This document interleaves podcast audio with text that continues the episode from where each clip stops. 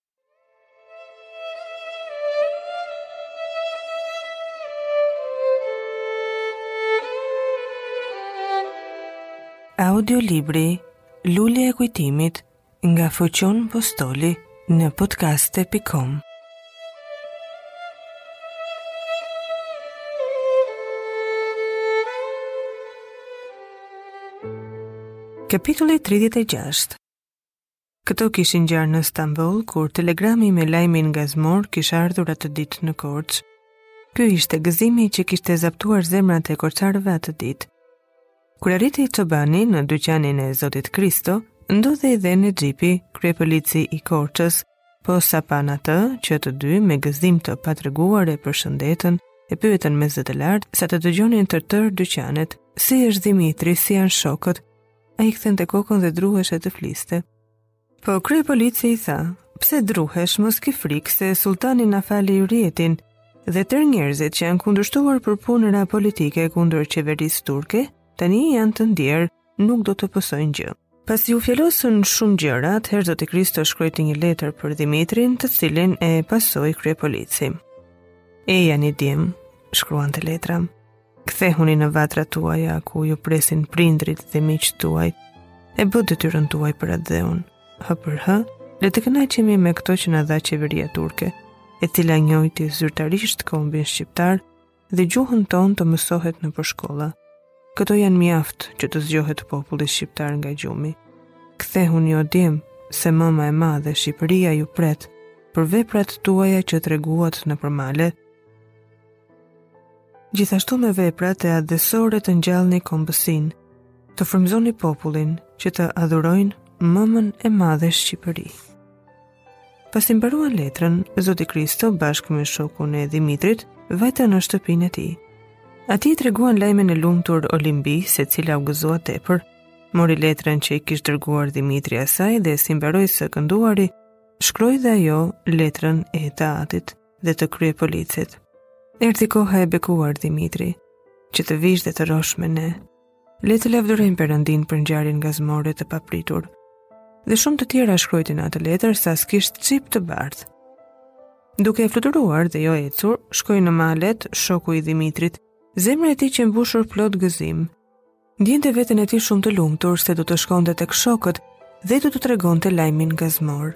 Kur arriti atje, kaq shumë kishte rendur sa vetëm thirri rroftë Shqipëria dhe u shtri mbi lëndinë i lodhur. Shokët përnjëherësh hodhën ca ujë në kokën e tij, e fërkuan dhe e sollën ndër mend. Fol, fol i tha Dimitri. Atë nuk e linte gëzimi të fjalosej. Po nxori nga xhepi letrën e Dimitrit dhe ia dorëzoi. Dimitri e hapi, e këndoi, i ndriti fytyra dhe një gëzim i madh shkëlqente në sytë e tij. Ç'është? i thirrën shokët. Djem, tha Dimitri. Nesër do të shkojmë për në Korçë, atje ku na presin prindërit, vëllezërit dhe motrat tona. Qeveria turke e shpalli hyrjetin. Kombi shqiptar u njoh zyrtarisht prej qeverisë osmane dhe gjuha jonë e ëmbël do të mësohet në tërë shkollat e atdheut. Tërë njerëzit që janë dënuar për shkaqe politike janë të falur. Le të thërrasim pra, Rroftë Shqipëria jonë, rroftë kombi shqiptar. Rroftë, thirrën djemtë. Nxorën nga krerët e tyre shapkat dhe zbrazën armët në erë të cilat atë çast buçisnin mbi gjëmime më tepër se kurdoherë se ishin një shenjë salutimi për Shqipërinë. Të nesërmen djemtë po shkonin për në Korçë, të gjithë ndenjësit e Korçës, pleq dhe plaka, burra dhe gra, djem dhe vajza, Po i prisnin jashtë qytetit luftëtarët e kombit shqiptar. Djemtë dhe vajzat e shkollave kishin dalë dhe ata me mësuesit e tyre, pothuaj dy orë më parë se të vinin çetat shqiptare. Të gjithë po i prisnin. Më në fund mbi udhën e gjerë u duk një shumicë njerëzish. Erdhën, erdhën, thoshin me zemrat që godisnin me forcë. Nuk shkuan shumë minuta kur zërat e çetave dëgjoheshin që këndonin. Këndonin këngë kombëtare. Sytë me lot po i mbusheshin popullit. Kur arritën atëherë, populli u mahnit dhe me brohorira e pritën. Djemtë dhe vajzat e shkollave spërkatnin ata me lule, shumë kombëtarë, të fshehur në kohën e tiranisë, qanin si foshnjat kur shikonin djemtë e Shqipërisë të marshonin me këngë kombëtare të ndaluara, kur shikonin rreth shapkave të tyre shkronjat e qëndisura liri a vdekje. I pari që i përshëndoshi djemtë ishte kryepolici i cili nënqeshi kur i pa, si dhe ata nënqeshën. Gosti nga kryekatundari i Korçës ish gatitur për ta, të cilët pasi u gostitën dhe u çlodhën, u shpërndanë nëpër shtëpitë e tyre. Kur Dhimitri u nis të shkonte, i doli përpara Zoti Kristo, si e puthi dhe e përqafoi si djalin e tij, i tha: Ku do të vesh Dhimitri? Pa dyshim tek nëna ime Zoti Kristo. Më duket se mëma jote tani ndodhet bashkë me Olimbinë, po eja me mua. Që të dy u nisën për në shtëpinë e Zotit Kristo. Olimbia e kishte dërguar Sandën te e ëma e Dhimitrit që të vinte ajo atë ditë në shtëpinë e Zotit Kristo.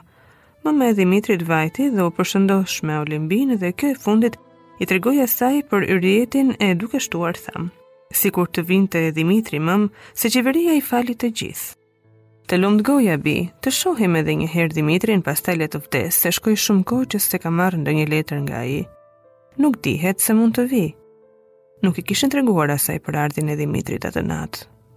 Ose që ai ndodhej nëpër malet e Korçës, po atëherë Olimbia e gatiti edhe për ardhjen e Dhimitrit se kish frikë se nga gazi i madh dhe i papritur, godiste ligësht nga pleqeria.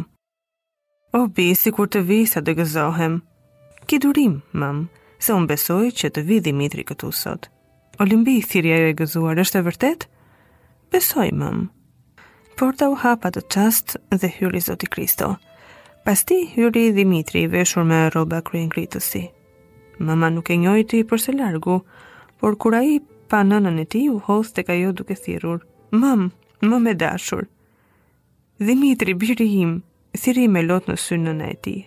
Hapi krahët e saj, po Dhimitri rëmbeu nënën në duart e tij e shtrëngoi e puthi atë, si dhe ajo Dhimitrin. Qanin nga gëzimi që të dy, po edhe Zoti Kristo, Olimbia dhe Sana bashkonin lotët me të atyre.